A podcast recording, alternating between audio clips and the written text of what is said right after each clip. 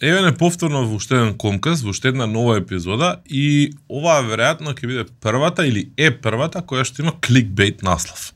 Зошто кликбейт наслов? Затоа што имаме топ 5. И се мене беше многу тешко да кажам што е тоа топ 5. Дали се извори на вести, дали се типови на извори на вести, дали се вебсайтови, дали се YouTube канали или ньюзлетери и така натаму. Па затоа ќе биде топ 5 извори на вести, нормално темите ќе бидат маркетинг и медиуми. Останете со нас, односно со мене.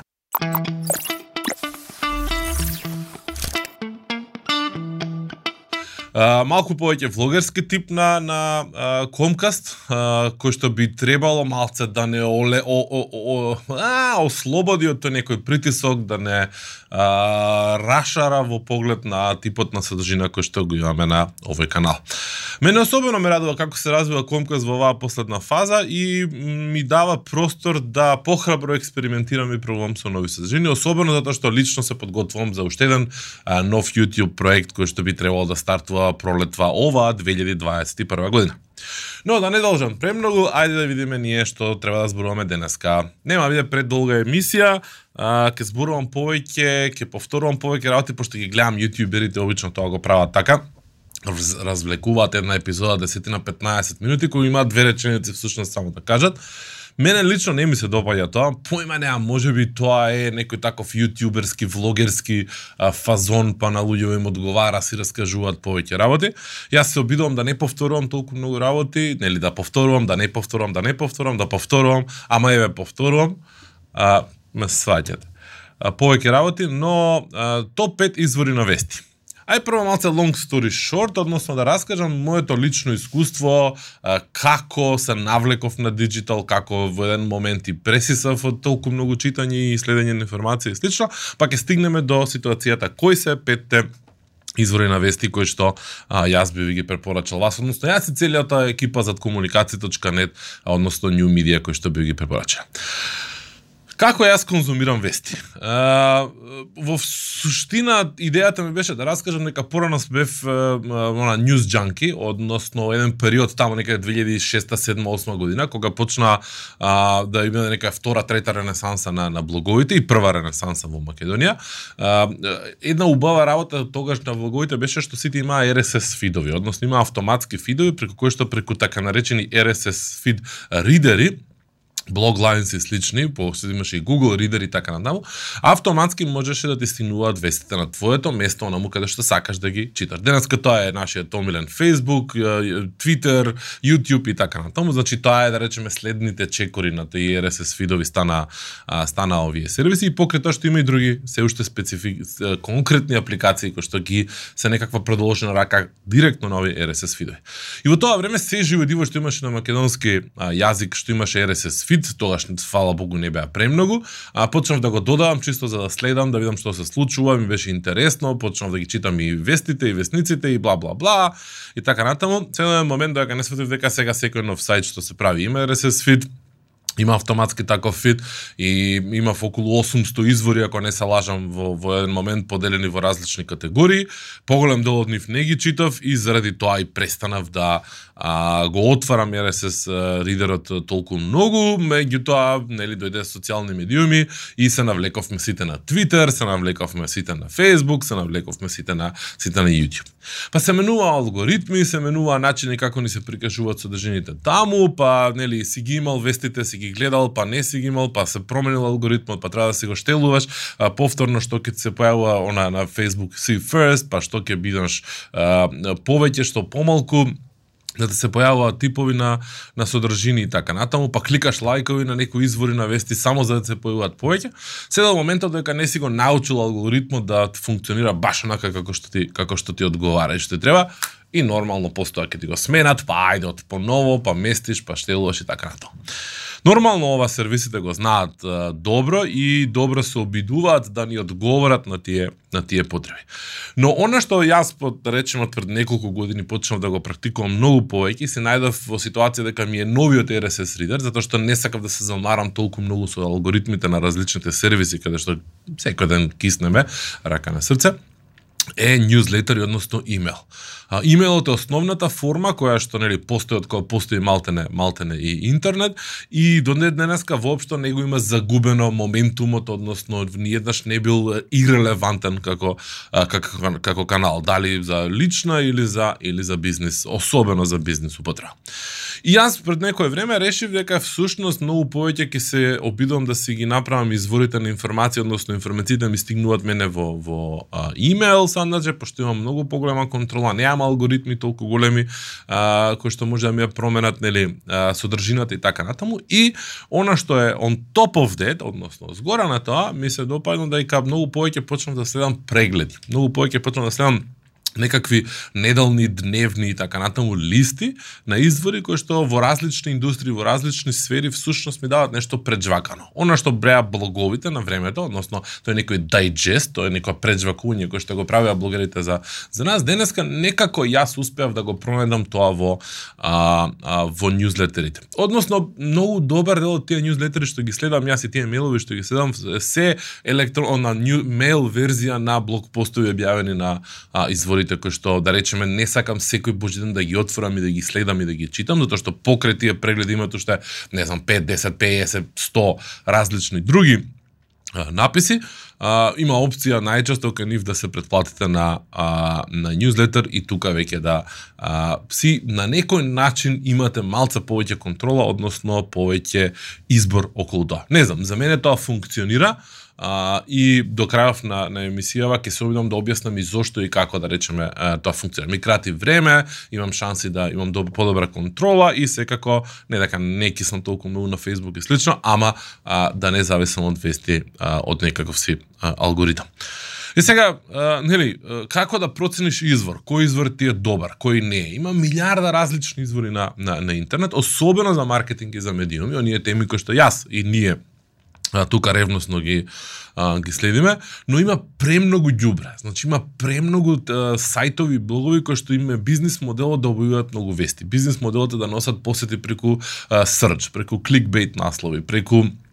социјал медија и така натаму. Па така ќе видите 10 различни текстови со листи, со препораки, со совети, со туторијали и слично кои што всушност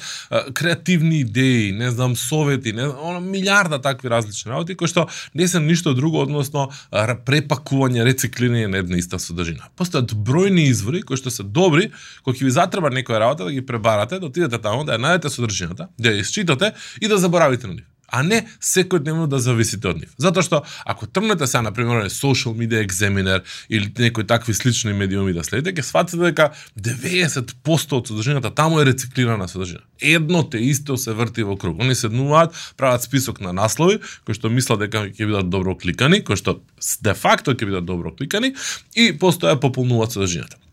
Дали имате 10 совети за бизнес to бизнес Инстаграм или имате 5 совети за како повеќе да извлечете од бизнес вашиот Инстаграм акаунт или имате 7 трендови на Инстаграм или имате не знам што, 90% пак ќе повторам од содржината се повторува. Така да некои од тие медиуми јас лично ги избегнувам, некои од тие блогови, сајтови ги избегнувам затоа што ги користам онака баш во моментот кога имам потреба. Ми треба нешто да видам, некој туторијал како да направам ова, како да направам. Она, можеби некој кейс стади, некаков пример, некаков можеби хак и така натаму и брзо само прегледувам преку тие листи за да видам дали нешто оригинално а, ке се појави. Оно што мене многу повеќе ми се допаѓа тука е а, да следам вести кои што се како што веќе кажав во некакви прегледи кои што имаат за цел да сублимирано, обмислено, а, нели, препорачат нешто на крај на недела, на почеток на недела, за викенди и така натаму. Ги обожавам оние long reads и покрај тоа што можеби не ги читам сите или а, не ги читам целосно, меѓутоа long reads на New York Times, long reads на а, Wired и така натаму, односно тоа се ние пообработени, подетално обработени теми, а, кои што на вистина влегуваат длабоко во, во некоја содржина, во некој, во некој аспект или некаков проблем и внатре има уште мал милион други линкови кои што не носат а, а, на читање. Она што дополнително многу ме а, ме радува да кажеме во пар ситуации е што а, од пред да речеме година година и пол, а, особено на Facebook почнав да следам многу различни Facebook групи а, почнав да следам Facebook групи кои што а, се индустри ориент, кои што што индустри ориентит, кои што се топик ориентит, односно Facebook групи каде што има навистина добри дискусии, не само онака споделување линкови од типот на еве прочитате ова, прочитате ова, прочитате ова, туку навистина групи за e-commerce, регионални, локални групи за дропшипинг, групи за email маркетинг, групи за SEO, групи за аналитика, за AdWords и така натаму. Значи, ме радува кога ClickFunnels исто така ми е интересно, иако има многу, многу, многу спам таму исто така, пошто е голема група. Меѓутоа, обожавам да читам лични искуства, обожавам да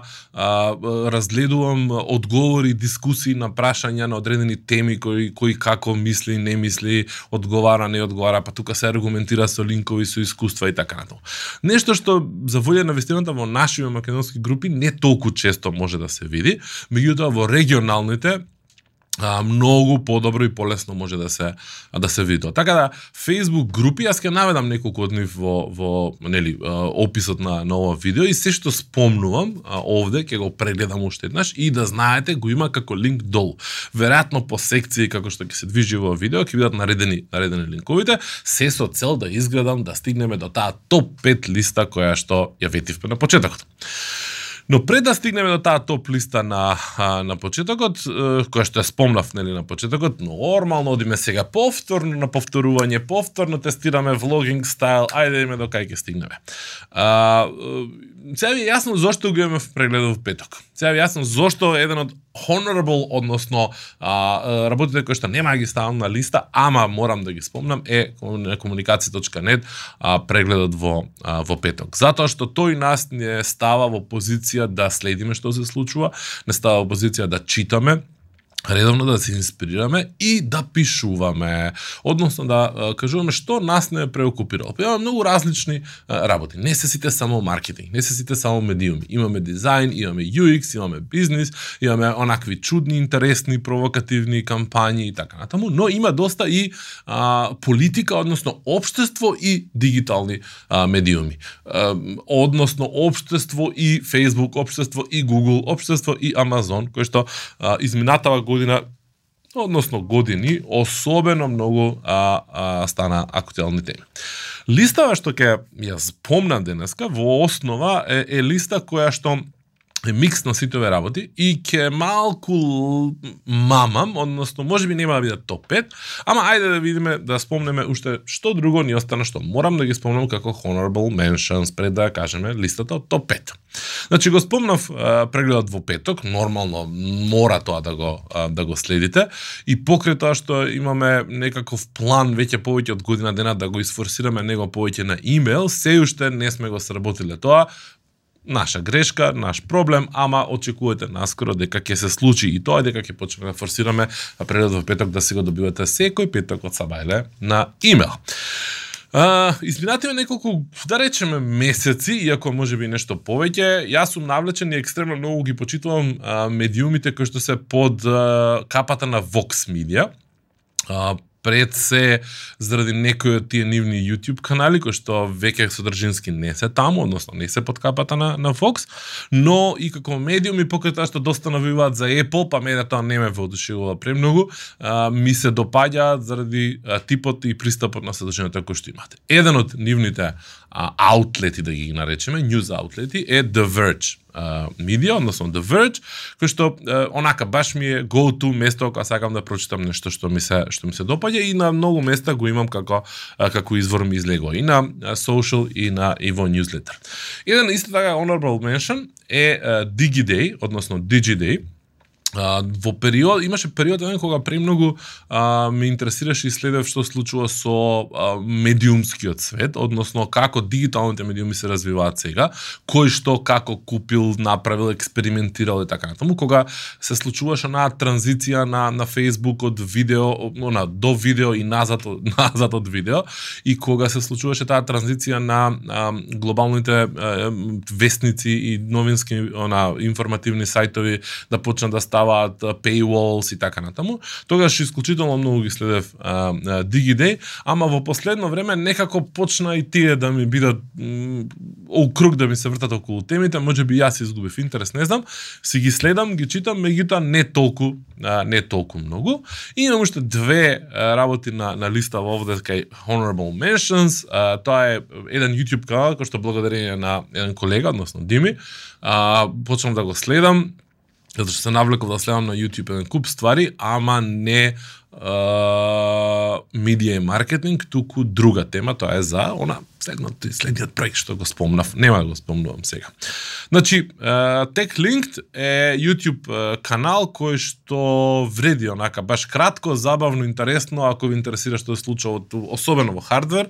светот да следите. Мене ми е окей, од време на време ми се појава на YouTube, ќе го изгледам 5-10 минути, убаво им се поделени видеата по теми, може да се ги скликате, топ препорака, верувам дека има такви еден куп, меѓутоа во оваа ситуација мене ми е доволно да имам само кратки, брзи информации а, за некои од работите што ме интересираат, не сите од тие што зборуваат, таму ќе почнам за некои графички картички да ми зборат, мислам тотално не ме не ме интересира. И нормално не смеам да го изоставам тука затоа што и покрај тоа што а, нели а, може би во моментов а, не е толку многу жив, меѓутоа барем според мојата перцепција, ITMK, локални локалниот сајт кој што секако обработува теми кои што влегуваат во доменот на а, моите и нашите нашите интереси. Не секогаш, значи комплетно а, од содржината што се објавува таму ме ме интересира, меѓутоа начинот на кој што ги пишува текстовите, а, сериозноста кој што со години назад се труди екипата за него да а, да ја одржи, да го одржи тој тој медиум, стварно а, секоја чест капа доле а, момци. Е сега, конечно стигнуваме до периодот, односно до делот од емисијата кога ќе ги избориме кои се топ 5 извори и зошто јас ги избрав овие пет. Не ми беше лесно, а, морам да признам и покрај тоа што не би сечел рака да кажам леле овие се топ 5 за умирање и чао пријатно, затоа ќе имам мало објаснување зошто, иако не сум најзадоволен од сите нив. Значи, број 1 би требало да биде, иако не е листава као од нај, најмалку важен до најневажен нешто као топ 5, него сите 5 на исто рамниште ќе ги става.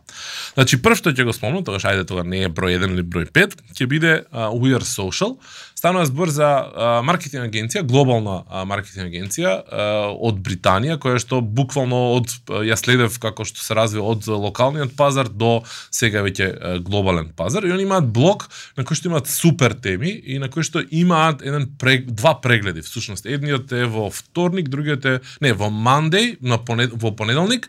а, а другиот мислам дека е во четврток. А, и тие прегледи нас мене лично ме инспирира за тој наш преглед преглед во петок. А, краток, фин а, преглед на што се случува во индустријата со примери, со линкови релевантни и така натаму. И дополнително на нивниот блог има супер текстови кои што најчесто нивните луѓе ги пишуваат и објавуваат на некои други медиуми, а потоа тие си ги реобјавуваат на на својот блог со нели спомнување каде е оригинално е напишан текстот. Ми се допаја И покрај тоа што последниве неколку месеци почна малце премногу да се фалат себе си и своите кампањи што они направиле и како направиле, некако добив чувство дека почнаа да си го предаваат својот медиумски простор, односно својот блог а, како канал каде што си ги нели мора да ги пласираат студиите на случај за своите клиенти, но како да кажам, добар дел од нив се стварно добри, така да нема не е толку многу не е толку многу проблем. Во секој случај, uh, We Are Social линк доле. Следно, број 2, односно втор на оваа листа од топ 5, пошто не можев едно да ставам или еден да ставам, а двете ми се у исти кош, затоа што исто ми се трансформира некако и многу често ги мешам ја меѓу себе, ми се и маркетер и и консалтанси во суштина се истражувачки аналити, аналитички куќи кои што прават многу а, извештаи и прават многу содржина кои што произлегува од тие анализи, извештаи, предпоставки, прогнози, не знам, а, истражување и слично, но заедничко за нив е што во минатото далеку повеќе содржина беше достапна за нас обичните смртници кои што не мора да плаќаме, а денеска се повеќе и повеќе нели од тоа што го објавуваат што вреди да се чита е зад paywall кој што не е воопшто воопшто ефтин. Меѓутоа се добри затоа што се базираат на бројки, затоа што а, имаат а, нели емпирија позади себе, не е онака а, класични празни листи, пет совети за ова, 10 совети за она, дури кога има таков некој кликбейт наслов, а, вреди да се вреди да се исчита. Значи и маркетер и и консалтанси. И, и консалтанси во едно далечно време и го плаќавме и го имавме а, со платена верзија, меѓутоа ги дигнаа ненормално многу цените и нас воопшто не ни се исплатеше а, повеќе да продолжиме да го плаќаме, па до некое следно а, време кога ќе можеме да се дозволиме, а, ќе останеме да се греваме по таа содржина што ја има а, без пари. А, трет на листа ќе биде Кейси Ньютон и uh, преку него сакам да кажам нека всушност нешто што заборев да го кажам на, на почетокот на вовија дека кога бирам извори, кога бирам извори, барем јас, uh, се гледам да видам кој е човекот што пишува, која е неговата мотивација, колку долго го прави тоа. Значи, особено кај ньюзлетерите, битниот аспект ми е тој тој дел дека многу често ньюзлетерите се индивидуална приказка. Без разлика што може би е дел од голем медиум, така јас го најдов Кейси Ньютон, uh, кој што пишуваше еден а, дневен newsletter во рамките на The Verge, меѓутоа излезе од таму и сега го има својот платформер а, кој што а, во суштина е а, тоа што го правеше во, во име на The Verge, меѓутоа сега го прави сам, независно, дневен преглед на работите во кога зборуваме за Digital и Society, односно општество одличен, одличен осврт прави човекот, значи има претерано многу искуство и знаење следејќи тек индустријата и како таа манипулира, односно игра со, со политиката и многу е важно за ако сакате да знаете зошто некои од работите Google, Facebook и а, другите сервиси ги прават или не ги прават. За жал, сега исто така е зад paywall, има еден а, мейл неделно што е бесплатен, другите за да ги добивате дневните ќе треба да платите 10 10 долари а, месечно, што е одрас на тој еден нов а, тренд во Америка кој што да речеме како сервис го го а, сега не ми текне како се каже сервисот, Substack се вика сервисот. Значи тој што не ми текнуваше Substack. Substack всушност е а, сега овие пушти аудио, овозможува лесна монетизација на вашата содржина пред се што ја испраќате на вашите сабскрајбери на имейл. Може да се преферите од друга платформа или да си почнете од нула таму, меѓутоа донесе а, интересна промена во светот на медиумите, особено кај индивидуалните новинари низ светот. Substack. Нема да врска, ќе го ставам доле линкот, ќе се нитам се префри на тој сервис, ама не ми текнува како се викаше, а неам браузер за да отворам да го видам. Нема врска, ќе го ставам доле во линк. Значи, индивидуалци, различни теми, конкретни теми, да им плаќате вие лично нив на месечно, на дневно, на, на, на, на неделно ниво, годишно ниво, нема неделно и дневно, значи месечно и годишно ниво, за да ви стигнуваат во, а, во инбокс. Тоа е еден нов тренд, кој што не е а, нов како а, сам по себе дека е измислен сега, меѓутоа добива 2020 и 2021 а, на значење многу благодарение на платформата што ја имате да доле во линк. Не ми текнува сега како се викаше. И тука би сакал да протнам уште едно име, кое што би требало да биде, да речеме, пандан во истата точка на моментот на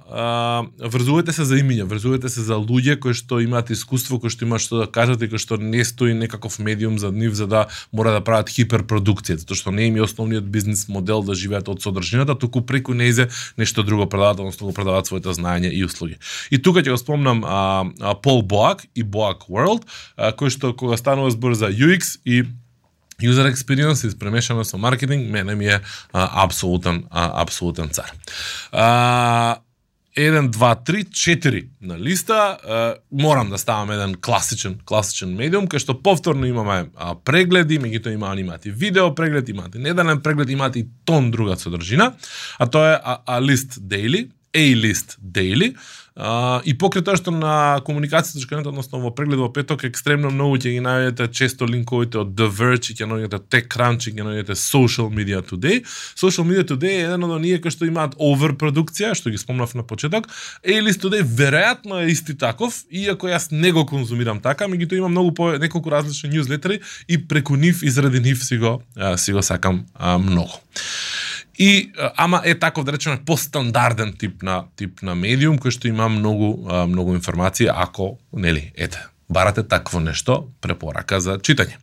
И последен, нормално, како се када на last but not least, пошто рековме дека е рамна листава, број 5, или број 1 или број небитно кој,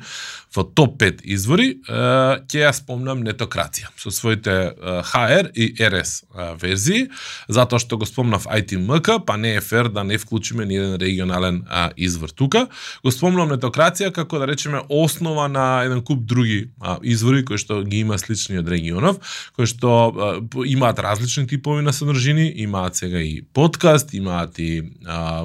гостински автори доста доста доста често, имаат и доста а, интересни интервјуа и така натаму, меѓутоа ја следат и глобалната а, нели индустрија и тековите што се случува во IT свет, што се случува во дигитал, во social медија, сервиси, маркетинг а, и така натаму. Одлична, одлична екипа, јас ги познавам лично луѓето, дури имам и објавувано текстови таму. А, свој, веројатно и уште имам пристап, што сум ја ка партнерот за нетокрација за од Македонија што да пишувам, ама а, не се дрзнувам толку често да пишувам, од некои баш не многу оправдани